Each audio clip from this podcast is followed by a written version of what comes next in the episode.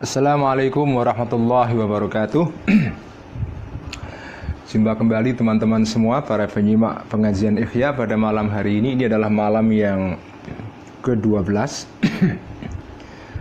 Tetapi pengajian pada malam hari ini adalah pengajian uh, kali yang ke-11 ya. Kita berada pada halaman 885 uh, dari kitab Ikhya edisi Dar Ibnu Hazm. Dar Ibnu Hazm uh, kita memang agak lambat uh, apa itu progresnya, tapi tidak apa karena saya kepingin mengajak Anda untuk masuk ke dalam alam kitab Ikhya, memasuki alam pikiran Imam Ghazali, ulama agung dari abad ke-11 ini. Uh, kita membaca kitab Ikhya kata per kata ya. Menyelami makna dari kitab Ikhya ini. Jadi memang progresnya lambat. Ini pada hari ke-11 kita baru mendapatkan hanya beberapa halaman ini. Tapi tidak apa.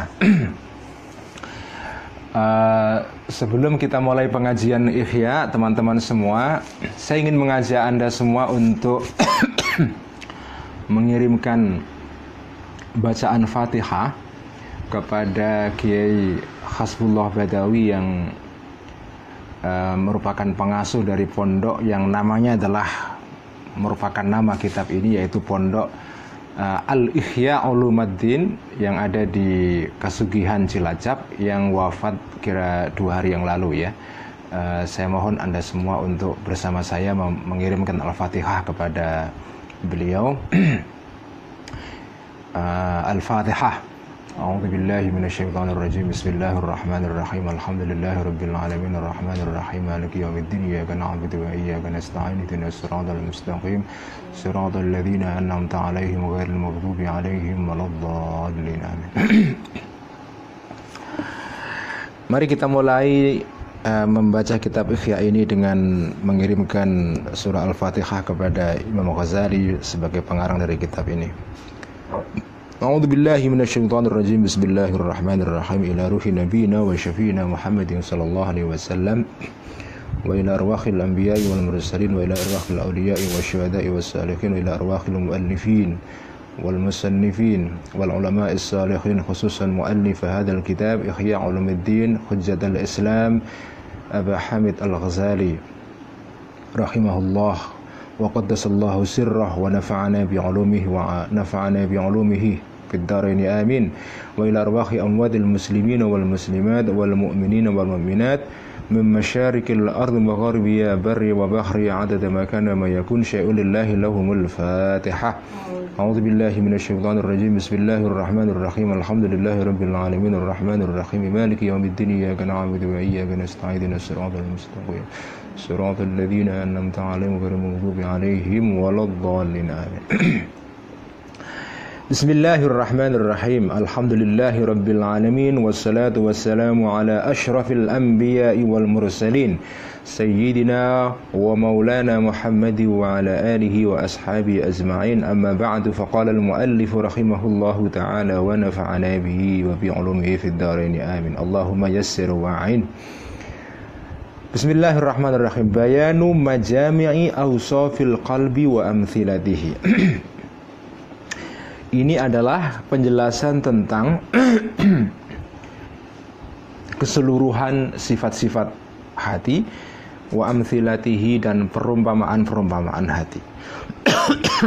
Kita akan masuk ke dalam pembahasan berikutnya. Masih di sekitar soal hati ya. Diskursus mengenai kalbu, hati, roh, nafsu ini diskursus yang sangat kaya sekali mengambil berlembar-lembar dalam kitab Ikhya ini dan pembahasan mengenai masalah ini juga syarat dengan perumpamaan-perumpamaan ya, misal karena itu memang cara yang dipakai oleh Al-Ghazali untuk mendekatkan pengertian yang abstrak kepada kita-kita yang masih awam ini. I'lam ketahuilah Annal insana Yang alam ketahuilah Annal insana bacaannya anna bukan inna ya annal insana sesungguhnya manusia qadistahaba dari kata sahiba yang artinya bisa menemani atau memiliki ya qadistahaba mengikuti wazan ifta'ala. Uh, qadistahaba uh, telah memiliki fi khilqati di dalam di dalam uh, penciptaan manusia ya watarkibi dan di dalam susunannya manusia di dalam konstitusinya manusia ini arba'a syawaiba empat empat uh, arba'a syawahiba empat uh, campuran empat adonan kira-kira gitu ya manusia itu di dalam dirinya ada empat adonan ada empat unsur-unsur yang membentuk dia, unsur-unsur mental tentunya. Falidzalika maka karena itu istama'a berkumpul alaihi pada manusia arba'atu anwa'in empat uh, empat jenis minal ausofi dari sifat-sifat wahia dan sifat-sifat itu adalah as-sifatus sabu'iyatu as-sifatus sifat-sifat as-sabu'iyatu yang berkaitan dengan binatang buas ya. Sifat-sifat yang yang yang buas ya. Bisli ya. Sifat-sifat yang ber, bersifat buas. Wal bahimiyatu dan sifat-sifat yang bersifat kebinatangan sifat-sifat yang liar dan buas itu adalah manifestasi dari rasa marah al-ghadab ya. Wal bahimiyatu dan sifat-sifat kebinatangan itu manifestasi dari uh, syahwat ya. Yang metafornya di dalam pembahasan sebelumnya syahwat itu diserupakan dengan apa dengan babi ya. Sementara sifat-sifat keliaran dan kebuasan pada manusia itu dimetaforkan diperumpamakan dengan anjing. Wasyaitaniyatu dan sifat-sifat setan warabbaniyatu dan sifat-sifat ketuhanan. Jadi ini empat sifat pada diri manusia. Uh, ini adalah karakter psyche atau mental manusia ya. Sifat kebuasan kebinatangan setan ya devilish ya itu dan ketuhanan ya uh, divine divine characters. Empat ini. Fahuwa maka manusia insan min haitsu sullita dari sudut dikuasakan alaihi atas dia al ghadabu rasa marah ya ta'ata memperoleh ya ya atau memperoleh manusia itu atau ya atau melakukan manusia itu af'al sibai tindakan-tindakan binatang buas. Minal awad minal adawati berupa uh, perseteruan ya wal baghdai dan rasa marah wat tahajumi dan agresi atas alan nasi atas manusia lain bidorbi dengan menjotos ya memukul uh, striking wasyatmi dan memaki-maki. Ini yang pertama. Manusia dari sudut dia ini dikuasai oleh rasa marah yaitu dikuasai oleh sifat-sifat binatang liar binatang buas. Dia punya kecenderungan dia punya tendensi agresi memaki-maki mengolok-ngolok mencaci maki, mengutuk ya orang lain. Itulah kalau kita melihat manusia melakukan agresi semacam itu, baik di dunia nyata, offline maupun di dalam dunia virtual, online, di media sosial, di Facebook, di Twitter, di Path, di Instagram. Kalau Anda melihat orang melakukan agresi verbal di dalam bentuk bully, ya, sebetulnya orang itu sedang menjalankan sifat binatang liarnya ya. As-sab'iyah as-sifatus sab'iyah wa min haitsu sullitat dan dari segi dikuasakan alaihi atas manusia tadi asyahwatu syahwat ya ta'ata memperoleh melakukan manusia tadi itu af'alal bahaimi tindakan-tindakan binatang-binatang. Minasyarahi dari yaitu berupa kerakusan ya wal khirsi dan uh, kehendak yang kuat atau selera yang begitu kuat kerakusan juga al khirsi wasyarin maknanya sama. Wasyabaki dan syahwat yang ekstrim ya. Wa dan dan yang lain-lain. Uh, jadi dari sudut manusia itu dikuasai oleh syahwat, oleh desire, oleh sifat-sifat apa uh, syahwat itu, ya dia melakukan tindakan-tindakan binatang berupa um, kehendak untuk memiliki sesuatu selera terhadap sesuatu yang ekstrim ya Al-Khirsi itu kalau bahasa pesantrennya itu bronto. Bronto itu apa? Ya menyukai sesuatu secara eksesif ya. Menyukai makanan, menyukai barang. Dia uh, tunduk kepada syahwat yang eksesif. Kalau Anda melihat orang di mall atau di pasar melihat diskon yang besar-besaran lalu memborong barang-barang sampai di uh, bela-belain nunggu berjam-jam ya.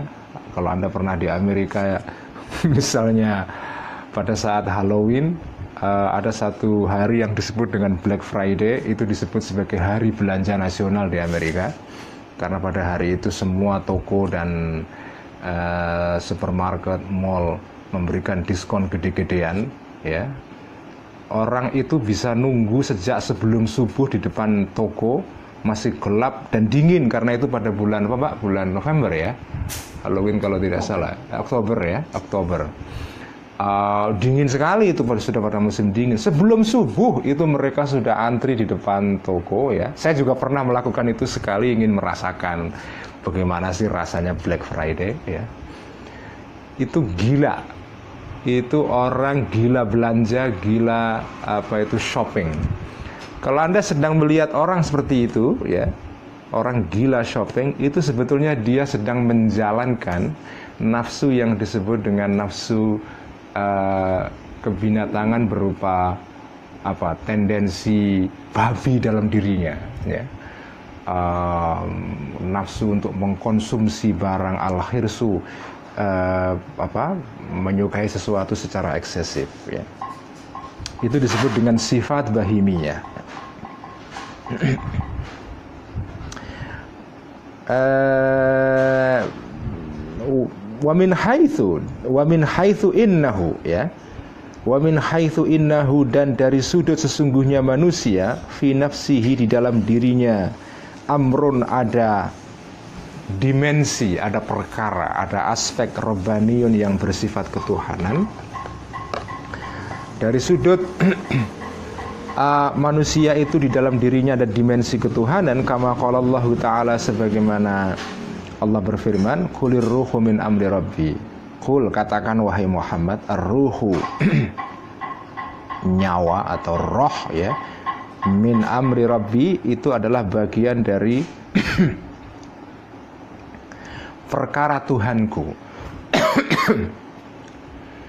Tetapi kalau di dalam kerangka penjelasan kitab Ihya ini min amri rabbi bisa Anda maknai min amri rabbi dari roh itu adalah min amri rabbi termasuk aspek Tuhanku.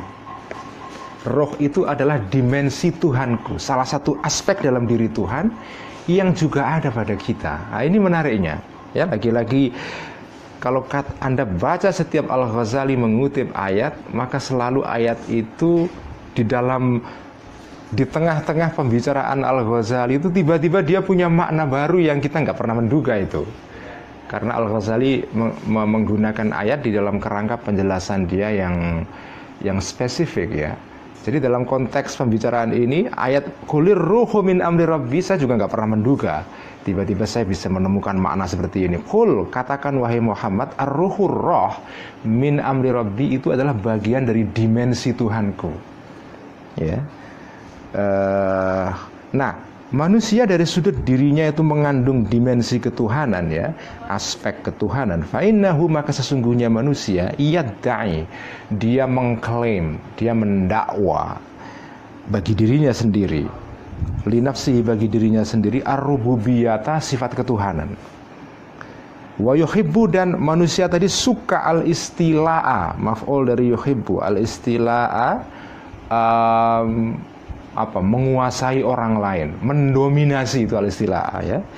Wal istilah dan dan apa berada di atas orang lain, hegemoni. Istilah itu istilah itu dominasi, al istilah itu hegemoni ya kalau mau pakai istilah itu ya. Wat dan menyukai uh, at-takhassus. Takhassus itu maksudnya ingin memonopoli sesuatu, sesuatu itu khusus punya dia, itu takhasus ya.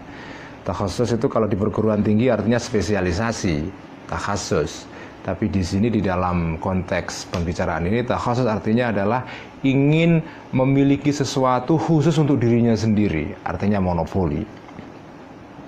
Wal istibdada dan memonopoli juga istibdad bil umuri dengan segala sesuatu kuliah semuanya Kata istibdad itu kata yang artinya monopoli atau otoriter, ya, otoritarianisme.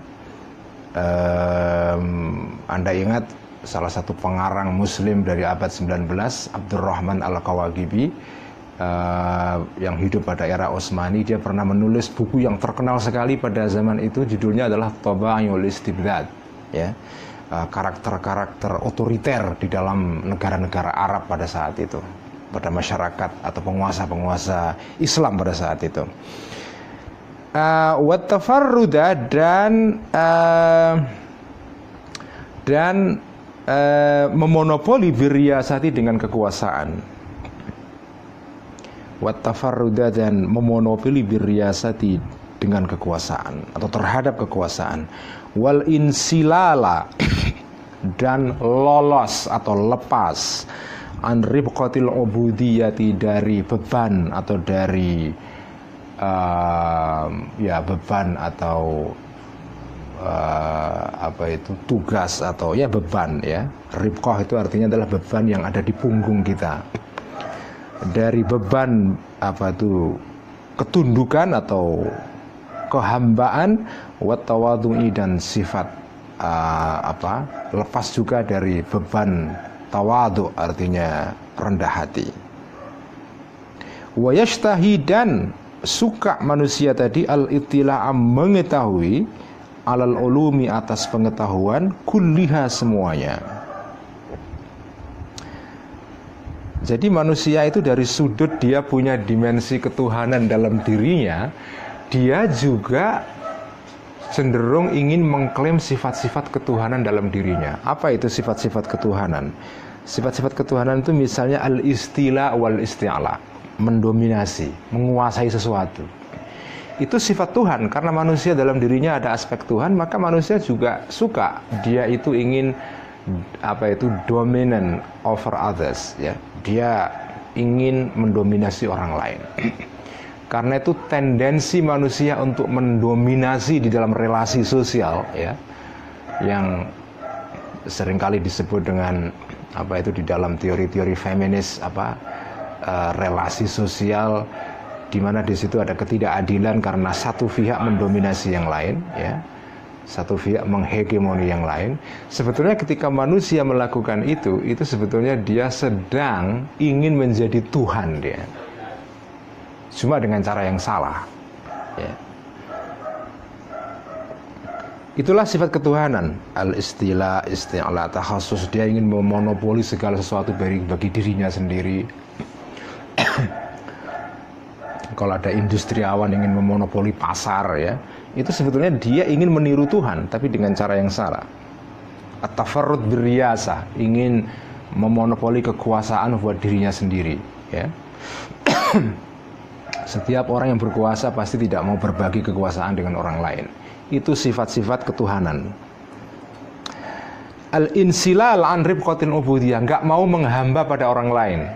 kalau ada orang menolak menghamba atau diperhambakan oleh orang lain ya tidak mau tawadu melainkan dia inginnya takabur atau arogansi arogan maka sesungguhnya dia sedang sebetulnya melaksanakan sifat-sifat ilahiyah dalam dirinya ya atau wayashtahi al ittila al ulumi kulliha manusia itu punya ini ini luar biasa Al Ghazali ini menerangkan tendensi-tendensi halus tendensi-tendensi atau kecenderungan-kecenderungan yang subtil atau yang halus, kecenderungan-kecenderungan yang yang bersifat tak nampak batiniah ya dalam diri kita itu. Itu semua tadi yang disebutkan itu al istilah dominasi, hegemoni, monopoli.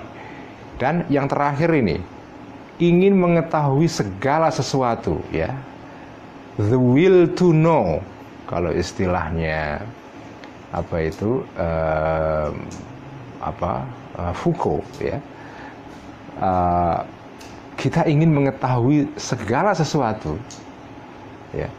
Mengetahui segala sesuatu itu termasuk sifat ketuhanan karena apa karena manu, kenapa manusia itu ingin mengetahui segala sesuatu karena ya salah satu dimensinya pengetahuan itu kan kalau anda mengetahui sesuatu maka anda punya power karena dengan pengetahuan itu Anda bisa mengontrol orang lain. Setiap pengetahuan itu kalau niatnya salah ya, karena itu niat menjadi penting. Pengetahuan itu begitu kita kita apa? Kita acquire, kita peroleh, kita akumulasi dalam diri kita, maka biasanya dengan pengetahuan itu kita ingin mengontrol orang lain. Pengetahuan itu menimbulkan kontrol dan kontrol itu adalah kekuasaan. Dan lagi-lagi kekuasaan itu adalah bagian dari tadi itu sifat manusia yang ingin meniru Tuhan.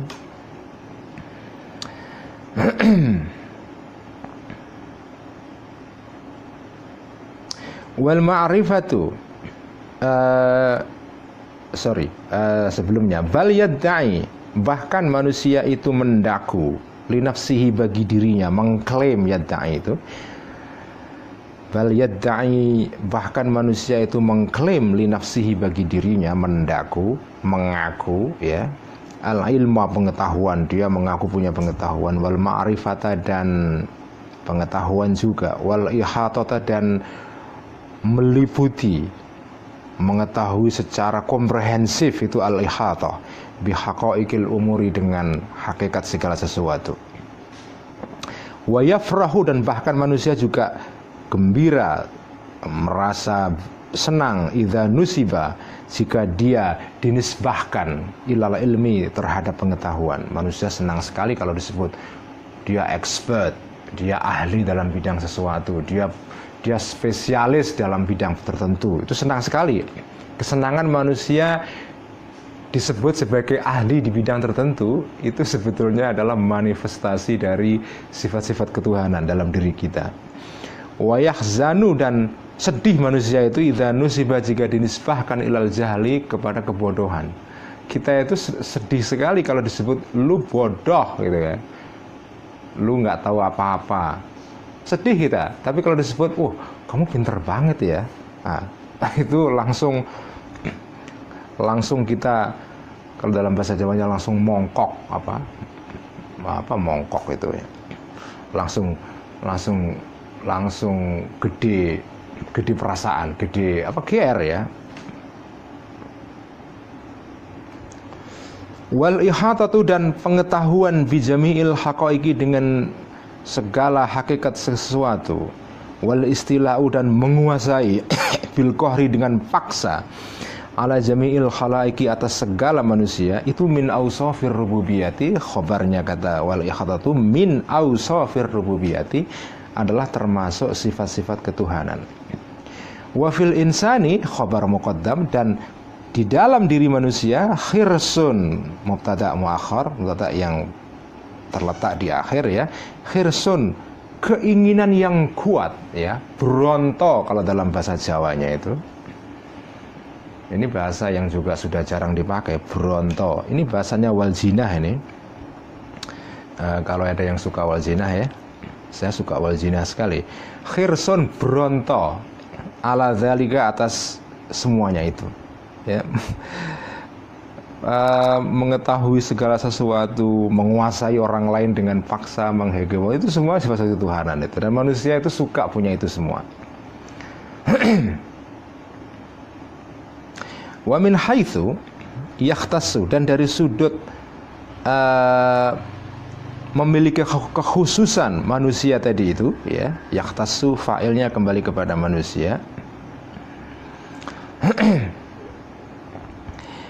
uh, Wa min haitsu dan dari sudut dia punya kekhususan, dia maksudnya manusia, minal bahaimi dari binatang-binatang yang lain, bitamyizi dengan keunggulan tertentu, ma'a musyarakatihi sekaligus seraya ya maaf seraya dengan kesertaan manusia laha terhadap bahaim jadi dari sudut manusia itu punya kekhususan dari binatang yang lain dengan keunggulan-keunggulan tertentu, apa roh, akal dan seterusnya. Tetapi juga seraya dengan kesamaan manusia terhadap binatang fil ghadabi dalam rasa marah, wasyahwati dan syahwat.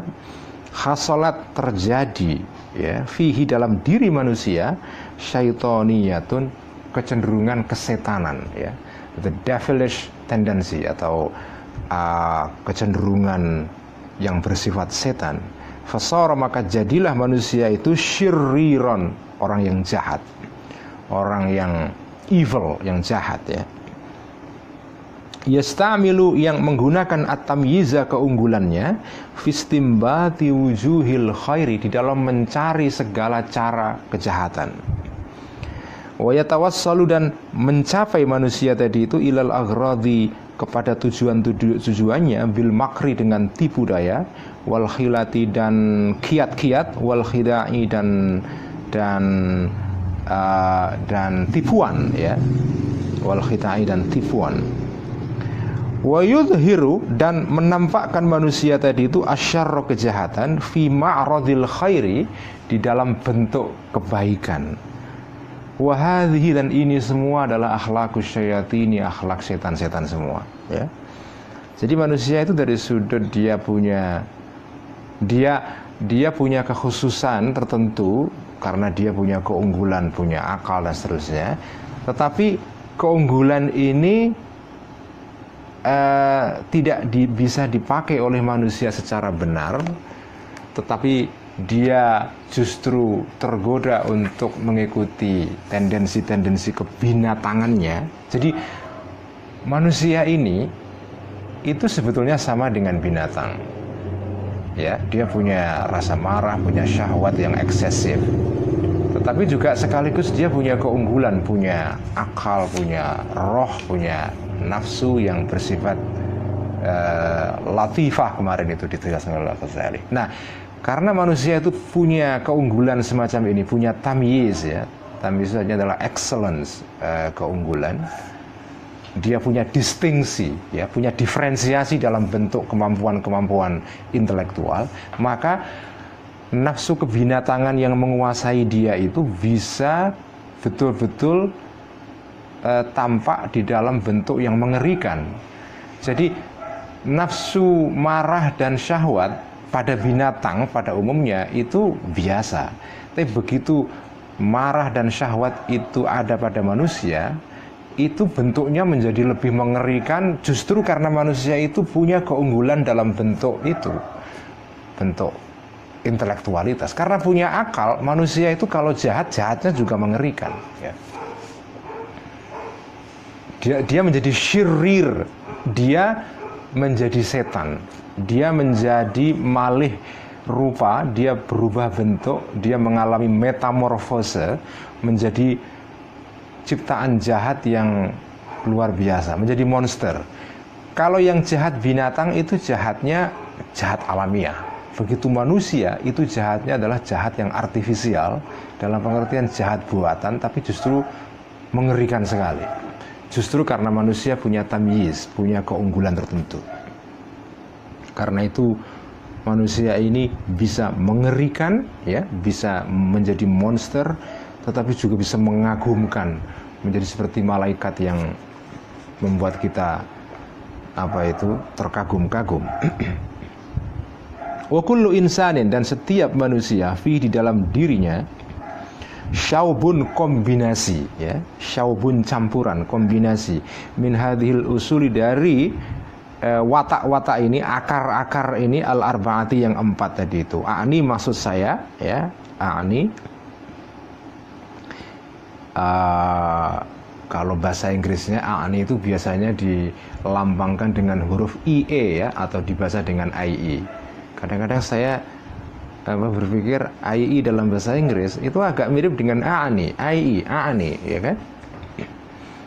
Uh, AANI maksudnya ya al-rabbaniyata akar-akar yang bersifat ketuhanan, wasyaitoniyata dan akar-akar kesetanan, wasabuiyati dan akar-akar binatang buas, wal bahimiyat wal asyad arbaniyata ya wasyaitoniyata wasabuiyata wal bahimiyata dan sifat-sifat uh, kebinatangan.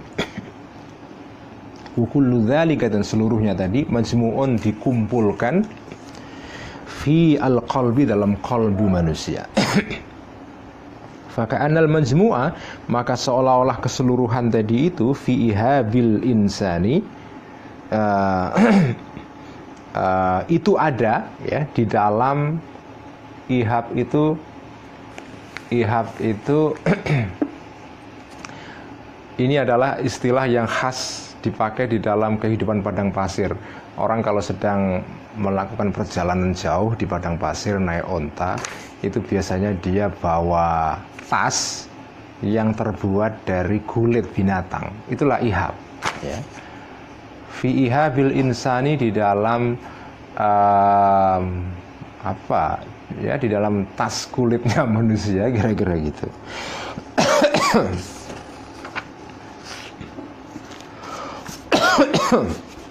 khinzirun yaitu babi wakalbun dan anjing wasyaitonun dan setan wahakimun dan orang bijak ya. Di dalam tas manusia itu dalam ihab manusia itu ada empat stok. Ada babi ada anjing ada setan ada filosof.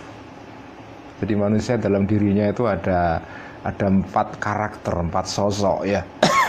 Empat figur babi anjing setan dan filosof orang bijak itu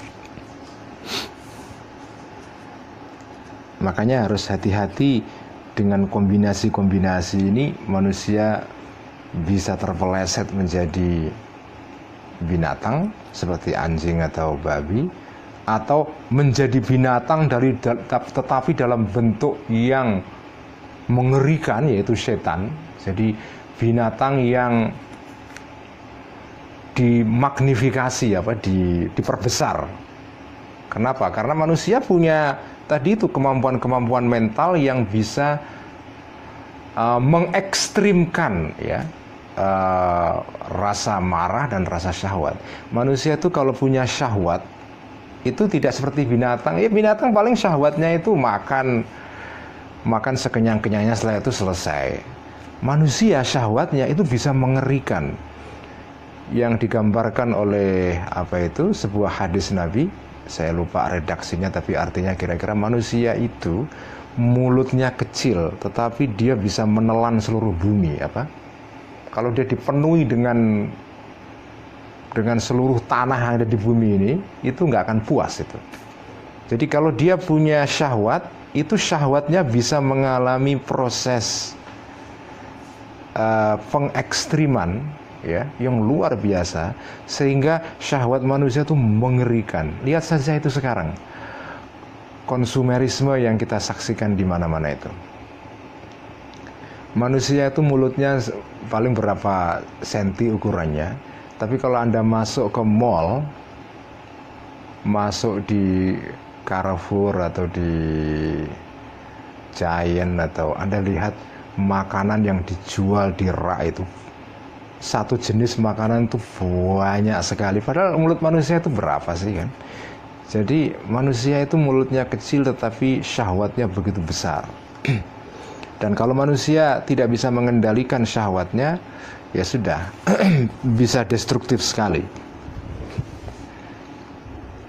Sementara kita tahu sekarang ini salah satu semboyan atau slogan dari kapitalisme sekarang ini kan uh, greed is good ya. Rakus itu adalah baik. Itu salah satu slogan dalam kapitalisme. Ya karena memang kapitalisme itu sebagai uh, apa itu tahap perkembangan ekonomi yang sekarang kita kita kita saksikan ya dalam kehidupan manusia modern fondasi kapitalisme itu kan konsumsi. Ya tentu ada produksi, tapi salah satu fondasi ekonomi adalah konsumsi. Kalau konsumsi turun, maka seluruh orang panik. Karena itu pertumbuhan ekonomi itu selalu menjadi uh, ya menjadi diskusi semua ekonom mereka kalau melihat pertumbuhan ekonomi sebuah negara turun mereka semua khawatir. Dan biasanya pertumbuhan ekonomi sebuah negara itu diukur antara lain berdasarkan konsumsi penduduk. Konsumsi itu artinya ya kita mengkonsumsi barang. Kalau kita tidak beli maka pertumbuhan ekonomi turun. Nah itu. Jadi great is good. Rakus itu baik karena rakus itu adalah mesin pertumbuhan ekonomi artinya kapitalisme itu sebagai sistem ekonomi adalah sistem ekonomi yang basisnya adalah babi yaitu kecenderungan tendensi manusia untuk uh, menyukai mengkonsumsi sesuatu secara eksesif ya. Itu. Ya tentu tentu konsumsi itu ada aspek positifnya juga karena kalau orang konsumsi maka tercipta pekerjaan dan seterusnya. Tetapi ya kita harus makanya membaca kitab tasawuf ini penting ya seperti Alifia ini karena ini memberikan insight atau cara pandang yang beda. Kalau Anda seorang ekonom, Anda akan memuji konsumsi. Kalau Anda seorang ekonom klasik, ekonom konvensional, anda akan memuji-muji konsumsi, akan menguji pertumbuhan ekonomi. Tetapi kalau Anda melihat kapitalisme dari sudut mistik ya, oh Anda akan melihat ya seperti Al-Ghazali ini, kapitalisme itu sistem ekonomi yang mesin pertumbuhannya adalah konsumsi salah satunya. Dan itu adalah manifestasi dari uh, apa itu an-naz'ah al-khinziriyah ya, kecenderungan babi yaitu konsumsi secara terus-menerus tanpa henti sampai akhirnya kita merusak alam, kita merusak habitat, kita mengkonsumsi energi sampai habis-habisan sampai membuat lingkungan kita menjadi terpolusi dan segala macam. Jadi tasawuf itu kalau kita baca adalah kritik sebetulnya terhadap cara hidup kita. Dan ini penting supaya kita ya boleh saja Anda melihat sesuatu dari sudut ilmu ekonomi, tapi Anda nggak bisa hanya memandang segala sesuatu dari ekonomi. Karena kalau dari ilmu ekonomi tok Anda nggak melihat aspek yang lain. Perlu Anda imbangi dengan tasawuf, dengan mistik. Dengan tasawuf ini kemudian Anda sadar bahwa nanti dulu konsumsi ini akibatnya apa? Ya akibatnya apa? Jadi perlunya tasawuf adalah sebagai kritik kita terhadap cara hidup kita. Cara hidup kita ini mengikuti babi dan anjing atau mengikuti seorang filosof yang bijak. Ya. Falkhinziru, maka babi huwa babi ini adalah asyahwatu syahwat. Babi itu adalah pelambang dari syahwat manusia, dari syahwat, kesukaan atas sesuatu. Fa'innahu maka sesungguhnya babi lam yakun tidak ya al khinziru babi tadi itu. Fa'innahu juga bisa domirnya adalah domir sya'an ya domir situatif ya. Fa'innahu yang dalam pesantren dalam bahasa pesantren yang sudah pernah saya terangkan dulu. Fa'innahu krono tuhune kelakuan karena sesungguhnya keadaan berikut ini domir sya'an itu domir tentang keadaan yang merujuk kepada sesuatu yang datang setelahnya. Lam yakun tidak ada al khinziru babi mazmuman tercela lilaunihi karena warna kulit dia wasyakli dan bentuk dia wasuratihi dan gambar dia. Babi itu tidak tidak kita cela karena warna kulitnya, bentuknya, gambarnya bukan. Bali jasyaihi. Tetapi karena kerakusan dia. Jasyaun itu uh, apa? sikap rakus ya. Wakalabihi. Dan wakalabihi saya cenderung ingin memaknainya dengan bahasa Indonesia yang bunyinya hampir seri, hampir mirip dengan ini. Wakalabi dan kekalapan dia. Kalap ya Maksudnya kalabi itu sebenarnya adalah makan sebanyak-banyaknya tanpa merasa kenyang itu kalabihi. Makan terus menerus tanpa merasa puas. Wahirsihi dan karena karena kebrontoan dia, bronto itu maksudnya suka sesuatu secara eksesif ya. Itulah itulah babi. Jadi syahwat itu babi. Wal kalbu dan anjing huwa anjing tadi itu al ghadabu adalah rasa marah. Fa inna sabwa karena sesungguhnya binatang yang galak ya, yang buas wat ad-dori yang yang apa itu yang yang suka menyerang orang ya, yang suka ya menyerang orang. Wal kalba dan anjing al akuro yang gila anjing gila yang suka apa itu eh, yang suka menggigit orang. Laisa bukanlah kalban anjing wasabuan dan binatang buas bi'atibari surati dari sudut ya eh, gambar walauni dan suara wasyakli dan bentuk anjing itu bukan disebut anjing semata-mata karena bentuk dan gambar fisiknya.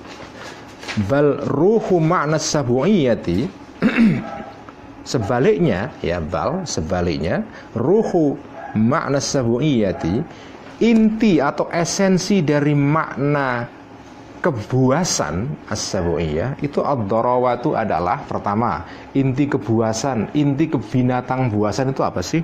Ad-darawatu itu adalah kegalakan, wal udwanu dan agresi, wal akru dan e, menggigit ya, melukai orang. Itulah anjing.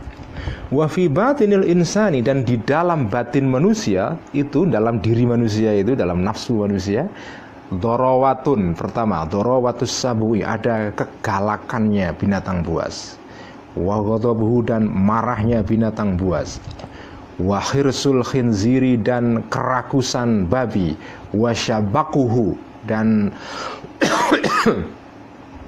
dan kerakusannya juga. Fal khinziru maka babi yada'u mengajak. Babi tadi bisyarohi dengan kerakusan dia dengan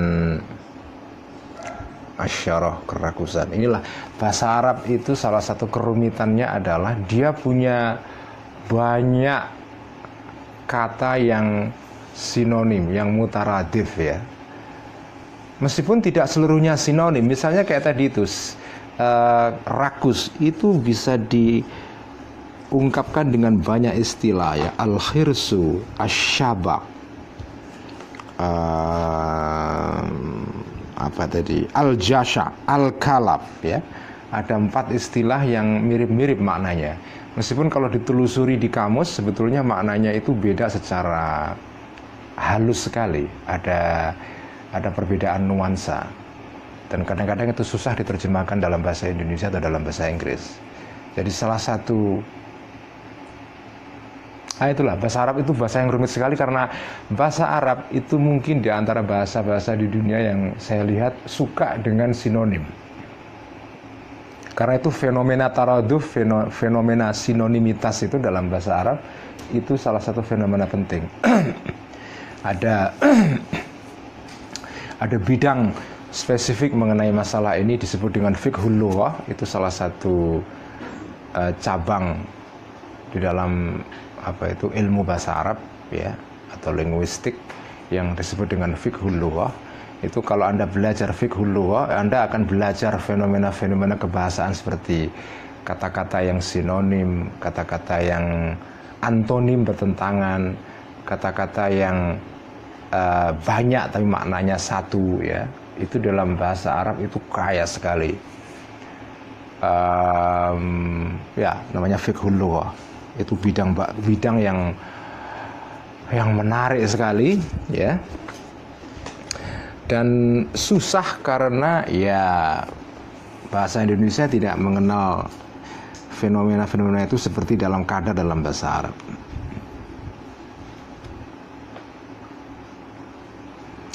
Ada yang bilang bukan babi tapi celeng. Oke, ada yang mengkoreksi istilah yang lebih tepat adalah celeng. Mungkin betul ya.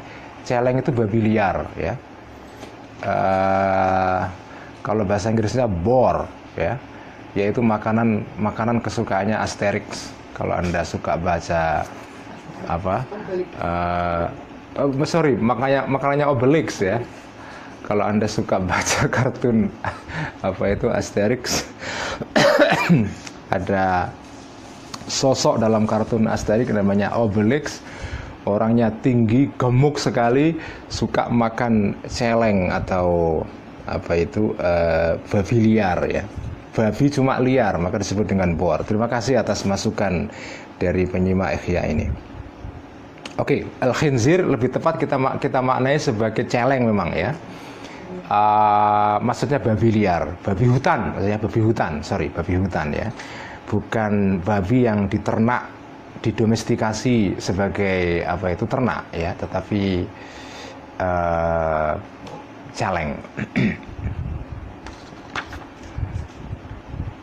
Ada lukisannya Joko Peke judulnya berburu caleng dulu ya.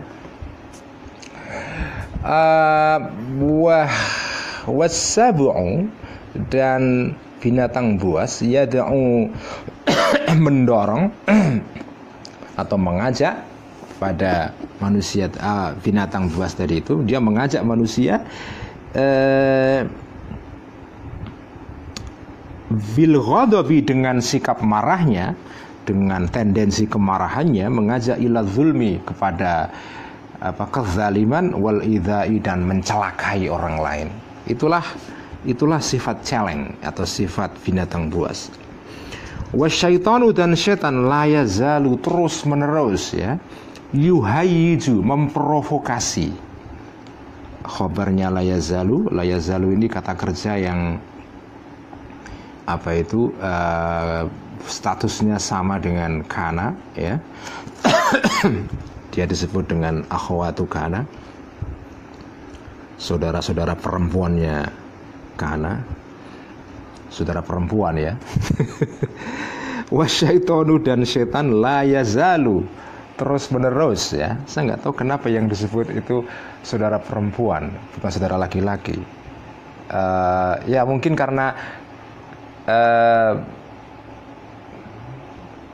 kata apa menyebut kata dalam kata dalam bentuk mufradnya itu dalam bahasa Arab memang disebut kalimah ya. Karena kalimah dan kalimah itu mas feminin perempuan. Karena itu disebut kana wa akhwatuha Kana dan saudara-saudara perempuannya. Wasyaitonu dan setan layazalu terus menerus yuhajiju memprovokasi syahwatal khinziri syahwatnya celeng wa sabu'i dan agresi atau rasa marahnya dan kemarahannya binatang buas wa dan uh, mengadu domba ya. Wa yughri dan al ighra itu artinya adalah uh, kalau bahasa Jawanya itu ngojok-ngojoi. Ya ngojok-ngojoi itu apa? Uh, provokasi ya. Wa yughri dan memprovokasi ahaduhuma uh, salah satu dari khinzir dan sabu tadi itu bila akhori terhadap yang lain. Jadi setan itu selalu uh, memprovokasi apa uh, dua tendensi ini lalu diadu domba satu dengan yang lainnya tendensi marah dan syahwat itu. Wa yuhassinu dan menampakkan sebagai hal yang baik syaitan tadi itu lahuma terhadap keduanya yaitu syahwat dan kemarahan ya.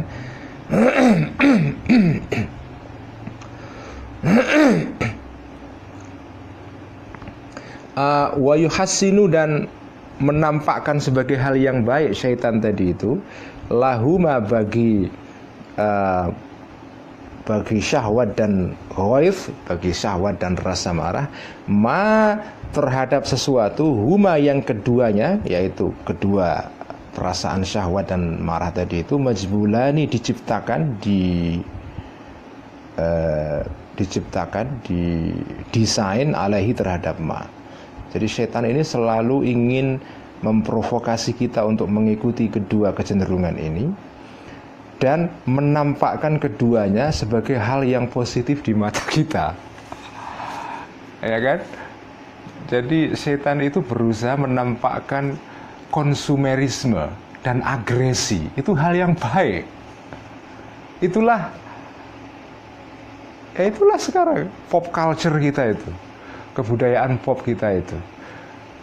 Film itu kalau tidak ada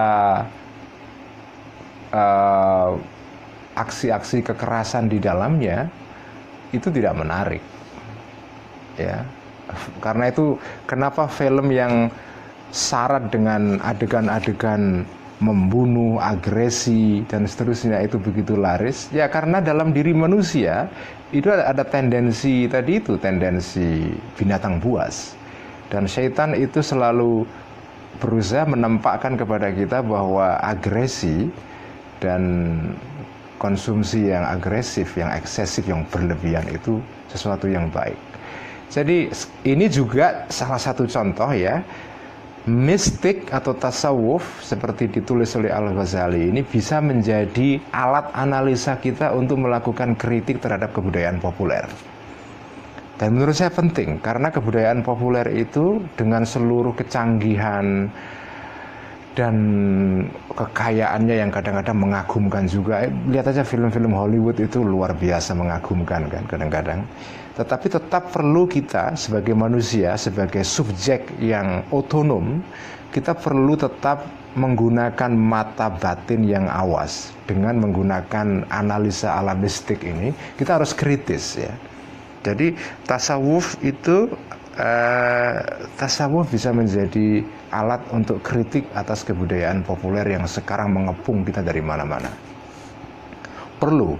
Jadi jangan sampai kita kemudian menganggap seluruh operasi kebudayaan populer ini, cara kerjanya dan seterusnya, itu sesuatu yang everything is okay, semuanya baik-baik, tidak perlu kita kritik dan seterusnya ya. Inilah pentingnya kita belajar ikhya supaya kita bisa mengambil jarak ya, bisa membuat distance, distansi jarak dengan lingkungan di sekitar kita. Uh, karena dengan begini kita bisa melakukan uh, tilikan yang kritis, tinjauan yang kritis terhadap situasi kebudayaan populer kita. Sudah hampir jam 10. Kita teruskan ya. Tambah sedikit. Ini asyik ini. Jadi kita bisa menjadikan ikhya sebagai tool, alat untuk kritik atas pop culture, kebudayaan populer ya. Dan juga atas kapitalisme ya. Tapi ini bukan kritik uh, seperti kritik Marxisme atau kritik sosialisme atas atas kapitalisme, tapi ini kritik yang bersifat mystical ya. Dan sudah banyak sebetulnya di barat sendiri berkembang kritik yang bersifat moral ya terhadap kapitalisme karena dianggap kapitalisme di dalam dirinya ada tendensi-tendensi yang immoral. Ya tadi itu di dalam kapitalisme itu ada tendensi kecelengan dan keanjingan ya. Ada ada asifatus asifatul khinziriyah wal kalbiyah ya. Wal hakimu dan seorang filosof seorang yang bijak the sage ya. Alladhi huwa yang hakim tadi itu mithalul akli adalah adalah model atau contoh akal ya, ya seorang yang bijak makmurun diperintahkan didorong bi an yadfa'a untuk menolak ya. Untuk pushing back ya. Pushing back. Menolak kaidah syaitani uh, tipu daya syaitan wa makrahu dan dan kelicikan syaitan ya bian yakshifa dengan cara mengungkapkan akal tadi itu atau hakim tadi itu antal bisihi tentang atau terhadap uh, talbisihi itu kita bisa pakai istilah bahasa Inggris disimulasi. Disimulasi itu apa? Ya Anda menipu orang dengan menampakkan sesuatu di, tidak dalam bentuk aslinya sekedar untuk menipu orang. Misalnya hal yang buruk Anda presentasikan, Anda tampilkan sebagai seolah-olah hal yang baik itu talbis ya. Antalbisi uh, mengungkap antalbisi terhadap disimulasi atau ya tipuan syaitan lah. Bifasiratihi dengan kekuatan batinnya hakim an-nafizati yang yang tajam ya. Atau bibasiratihi hui uh, kembali ya kepada akal dengan uh, dengan apa itu? Dengan mata batinnya akal an-nafidati yang tajam wa nurihi dan cahaya akal al-musyriki yang bercahaya yang berkilap-kilap ya al-wadhihi yang terang wa an yaksira dan seorang hakim yang bijak juga diperintahkan wa an yaksira untuk mematahkan ya. Syaroha hadal khinziri kerakusan celeng ini. Kita selitil kalbi dengan menguasakan anjing alaihi terhadapnya. Id karena bil ghadabi dengan marah ya yaksiru ya uh, berhasil atau bisa mematahkan uh, orang yang bijak tadi itu saurata syahwati terhadap uh, keekstriman syahwat. Fa'u dan bisa menolak seorang hakim tadi itu dorowatal kalbi terhadap uh, kebuasan atau kegalakan uh, anjing kita selitil khinziri dengan menguasakan dengan apa itu menguasakan celeng alaihi terhadap Kaleb wa yaj'alu dan menjadikan al hakim tadi itu al kalba ya. Eh, anjing makhuron eh, ditundukkan ya tahta siyat tahta siyasatihi di bawah siasa atau kekuasaannya khinzir. Fa'in fa'ala maka jika seorang hakim tadi itu melakukan zalika semuanya tadi itu wa qadara dan mampu alaihi terhadap zalika kalau dia mampu melakukan itu semua i'tadala maka menjadi stabil i'tadala itu mencapai equilibrium atau keseimbangan al-amru situasi atau keadaan wa dan tampillah al-adlu keadilan fi mamlakatil badani di dalam kerajaan badan kita ini.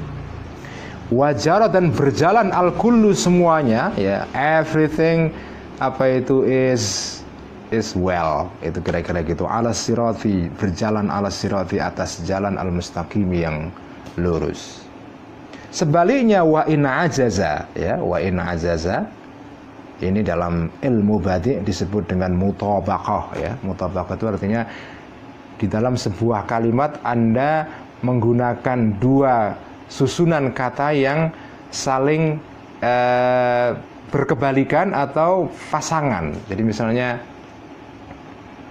si A berdiri, si B duduk. Nah, atau kalau seseorang berbuat baik, dia beruntung. Kalau dia berbuat jelek, maka dia rugi. Itu kan kayak kayak susunan kata yang terdiri dari dari dari dua belah, dari dua bagian ya, seperti jendela yang ada dua daun pintunya, ya daun jendela dan saling berpasangan. Itu di dalam bahasa Arab dalam ilmu yang disebut dengan ilmu badi' ilmu tentang keindahan kata itu disebut dengan mutabaqah. Jadi itu disebut dengan badi' mutabaqah. Jadi dua hal berpasangan seperti jendela dengan dua daunnya. Um, biasanya misalnya kita mengkontraskan satu hal dengan hal yang lain ya. Itu disebut dengan tibak atau mutabaqah. Dan itu ada ilmunya sendiri yang yang uh, apa yang rumit ya. Tapi menarik itu teori sastra Arab ya. Di pesantren biasanya para santri dulu belajar ilmu tentang teori sastra Arab ini di dalam kitab namanya Al Jauharul Maknun itu yang eh, yang tingkat dasar dulu biasanya belajar apa itu itu Lughal Arabiyah bagian ketiga itu ada ilmu tentang batik lalu setelah itu belajar Jauharul Maknun lalu tingkat yang paling tinggi biasanya uh, yang dipelajari adalah kitab uh, Uqudul Juman yang ditulis oleh As-Suyuti ya. Uh, itu juga bidang yang menarik juga. Wah, mana tadi? Kebanyakan ngomong jadi lu hilang ini mana tadi? Wa ina ajaza. Dan jika manusia tadi itu tidak mampu angkoh riha ya dari eh, menundukkan eh, wa ina ajaza dan jika dia tidak mampu angkoh riha di dalam di dalam atau dari menundukkan apa itu eh, kembalinya kepada apa itu eh, sauratus syahwah ya atau ya suratus syahwah tadi. Uh, koheruhu maka mereka mereka itu maksudnya adalah ya tadi itu kekuatan kebinatangan dan kekuatan anjing dan kekuatan celeng tadi itu. Koharuhu maka mereka akan menundukkan hu terhadap manusia tadi itu ya.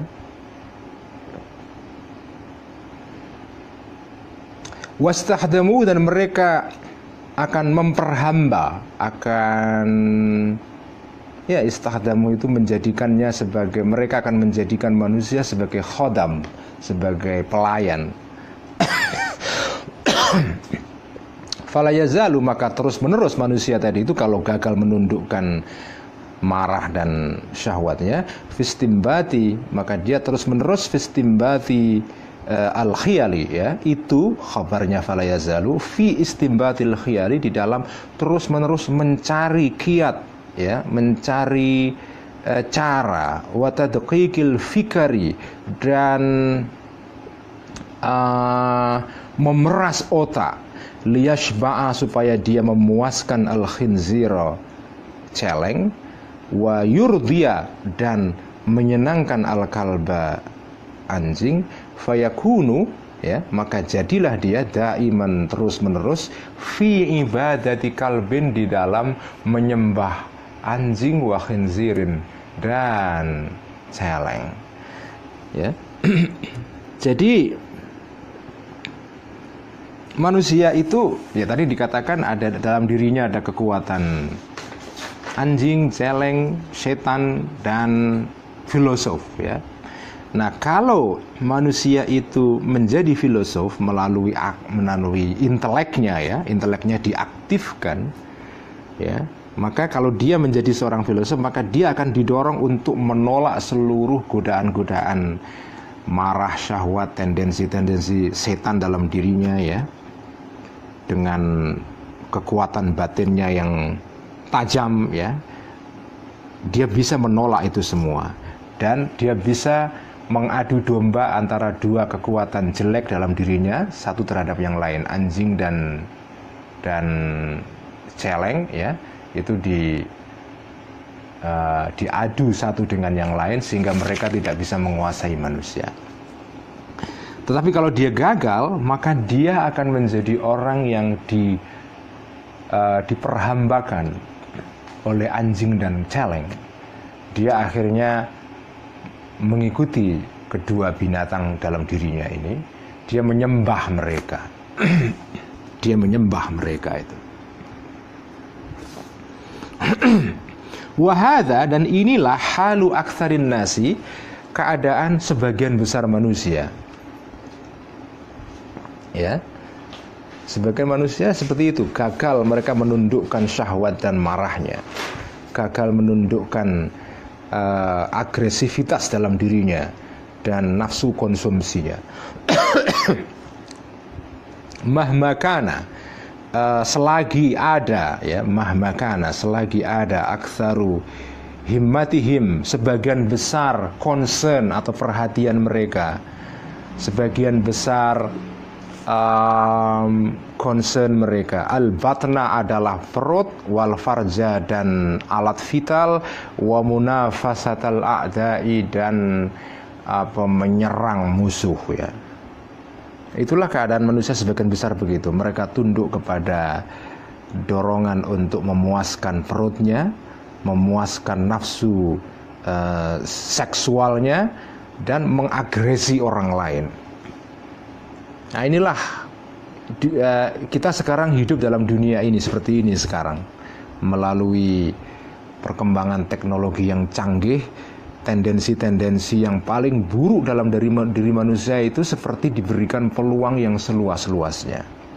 Karena itu belajar ilmu mistik seperti ikhya ini menjadi relevan karena dengan cara begini kita kemudian bisa mengambil jarak mengontrol diri ya. Wal ajabu dan yang mengherankan ya minhu dari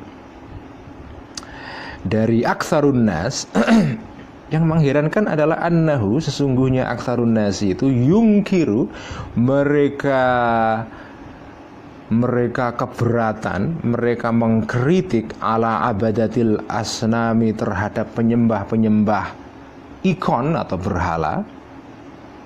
E, mereka mengkritik para penyembah berhala, mereka mengingkari ibadatahum terhadap penyembahan abadatul asnam terhadap penyembahan para penyembah berhala tadi itu lil hijarati terhadap batu.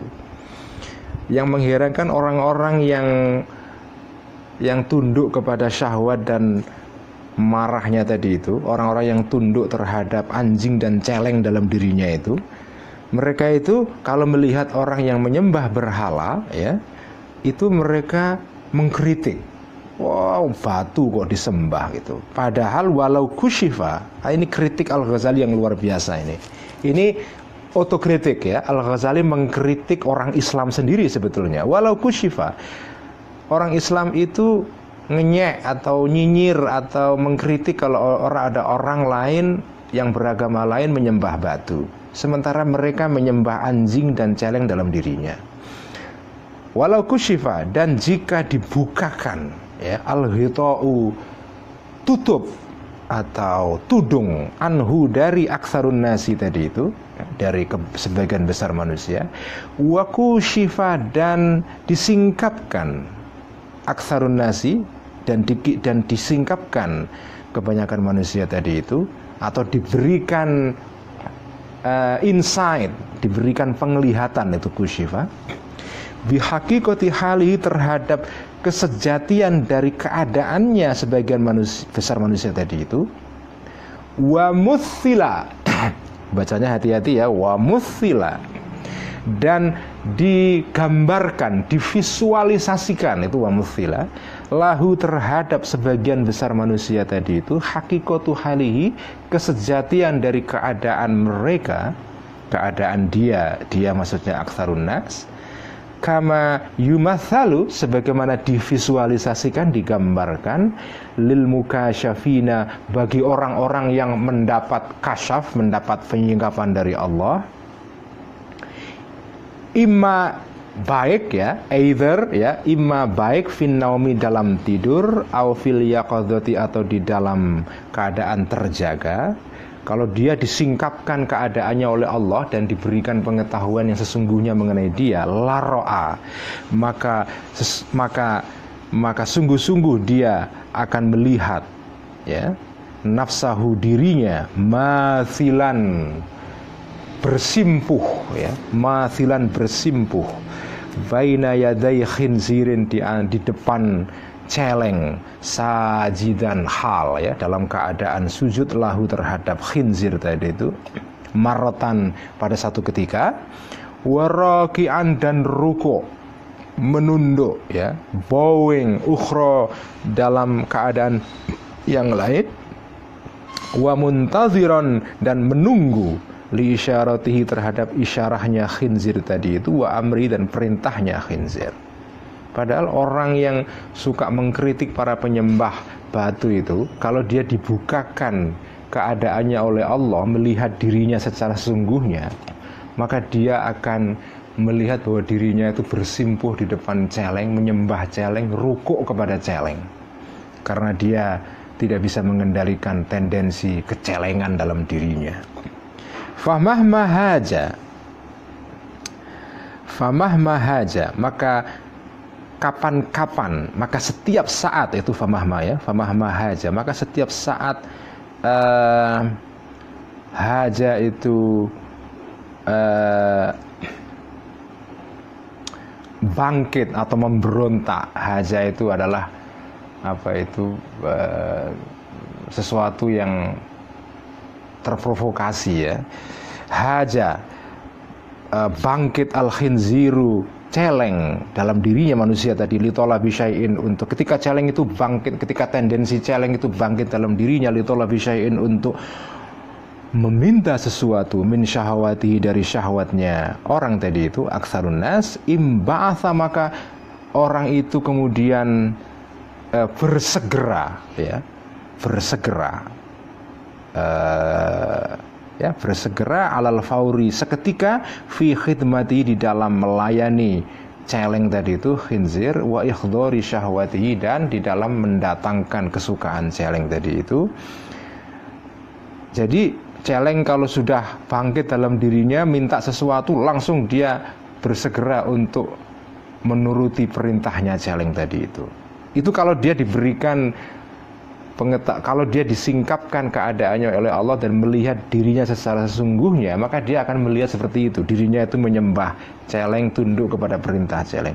Auroa atau dia melihat nafsahu dirinya mathilan bersimpuh baina yadai kalbin di depan uh, anjing akurin yang galak yang gila abidan hal ya dalam keadaan e, menyembah lahu terhadap kalbun tadi itu mutian dalam keadaan taat. Samian mendengarkan lima terhadap sesuatu yaktadhihi yang uh, yang yaktadhi yang menuntut anjing tadi itu hi terhadap sesuatu wayal tamisu dan meminta anjing tadi itu hu terhadap sesuatu tadi itu. Mudakikon juga dalam keadaan memeras ya. Dakkaka itu dari kata dakikun artinya adalah apa itu tepung yang lembut. Dakikun itu uh, ya tepung yang lembut. Jadi dakikah itu artinya ada menumbuk sesuatu sampai lembut. Dalam pengertian Anda memeras pikiran kamu sampai sekeras-kerasnya. Mudakikon dalam keadaan memeras fil fikri terhadap pikirannya fi khiyalil wusuli di dalam uh, kiat-kiat untuk sampai ila taati terhadap mentaati anjing tadi itu kalab. Wahua dia ya dan dia bidzalika dengan tindakannya tadi itu sain berusaha fi masarrati syaitani di dalam menyenangkan setan dari dirinya itu.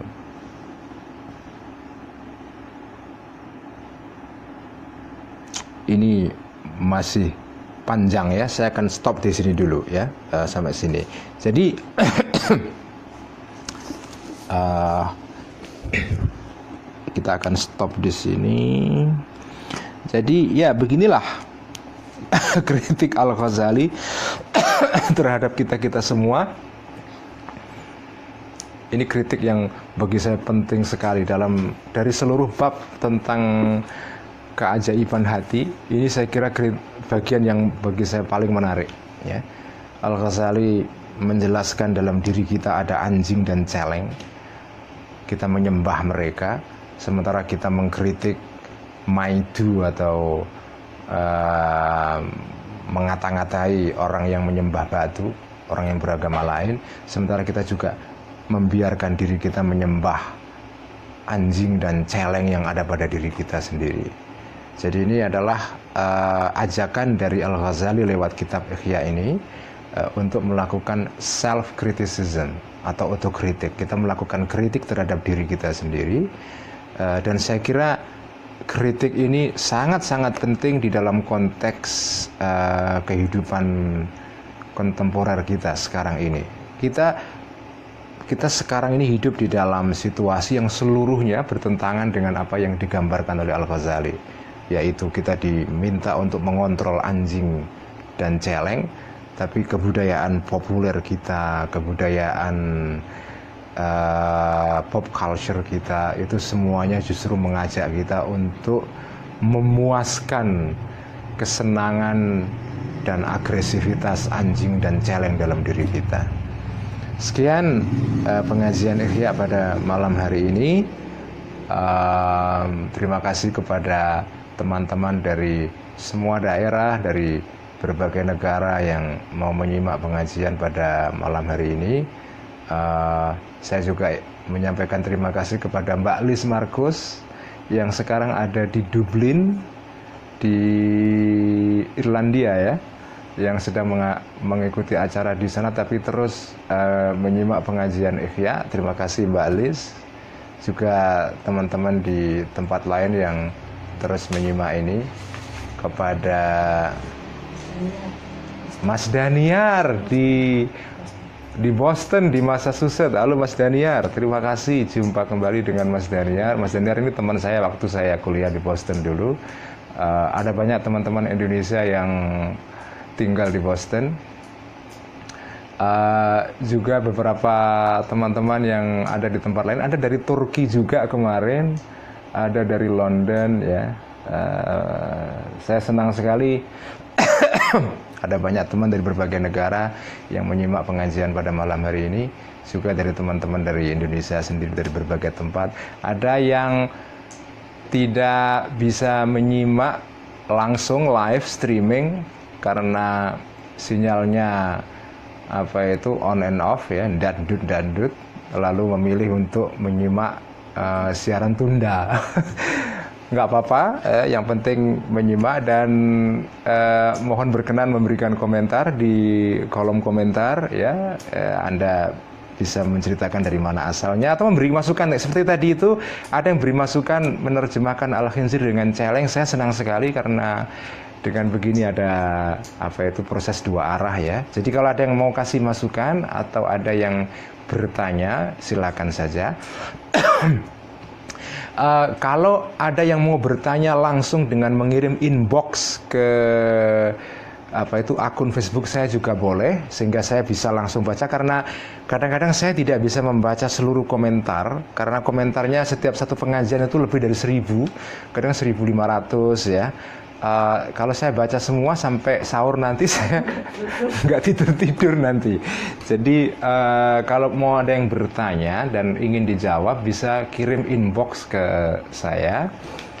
Juga terima kasih kepada Pak Abu Nawar Baseban dari Palembang ya kemarin mengirim apa itu uh, empek-empek Palembang Pak Abu Nawar ini pengusaha empek-empek yang paling enak kalau katanya sepalembang ya. Terima kasih sudah habis Pak Abu Nawar. uh, ya terima kasih. Uh, sampai ketemu besok kita tutup dengan bacaan Alhamdulillah. Alhamdulillahirobbilalamin. Wassalamualaikum warahmatullahi wabarakatuh. Waalaikumsalam.